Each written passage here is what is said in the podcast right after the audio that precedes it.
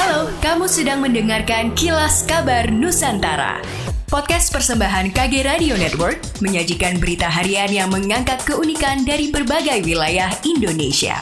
Kilas Kabar Nusantara dapat juga didukung oleh pengiklan loh.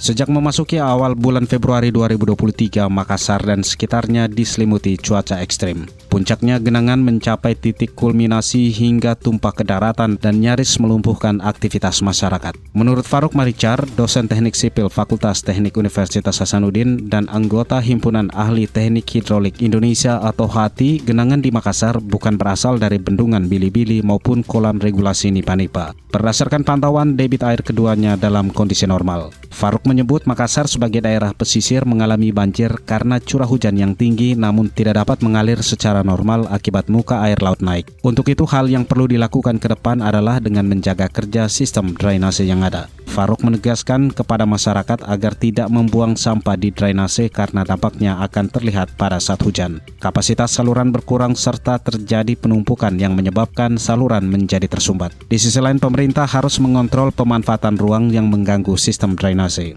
Selain itu pembangunan harus merujuk pada rencana umum tata ruang terutama daerah sempadan sungai dan alur drainase. Khusus Kota Makassar, sistem drainase yang terdiri dari sistem drainase primer berupa sungai dan kanal yang menjadi kewenangan Balai Besar Wilayah Sungai BBWS Pompengan Jeneberang Kementerian PUPR. Sedangkan drainase sekunder tersier menjadi kewenangan Kota Makassar. Hampir sebulan berlalu setelah dilanda banjir dan tanah longsor, masyarakat Manado terus berbenah dan mulai kembali dapat beraktivitas seperti sedia kala. Namun demikian, sejumlah warga juga masih memerlukan bantuan untuk membangun kembali rumah mereka yang rusak akibat tertimpa tanah longsor dan banjir. Menurut Yoce Karole, Kepala Lingkungan 7 Kelurahan Pal 2 Manado mengatakan, di wilayahnya terdapat 23 kepala keluarga yang terdampak tanah longsor dan 4 14 kepada keluarga yang terdampak banjir pada bencana 27 Januari 2023 yang lalu dan saat ini masih membutuhkan bantuan berupa bahan material untuk membangun rumah. Yoce menyebut hingga saat ini meski belum sepenuhnya pulih akibat bencana di akhir bulan Januari kemarin, masyarakat telah dapat kembali beraktivitas apalagi bantuan dari berbagai pihak masih sering datang dan meringankan beban dari masyarakat.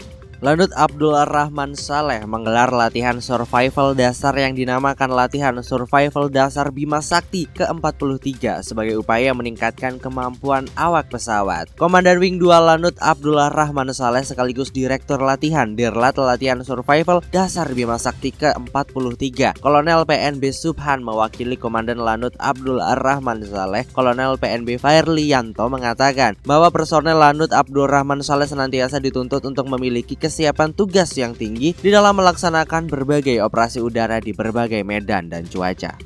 Demikianlah kilas kabar Nusantara pagi ini.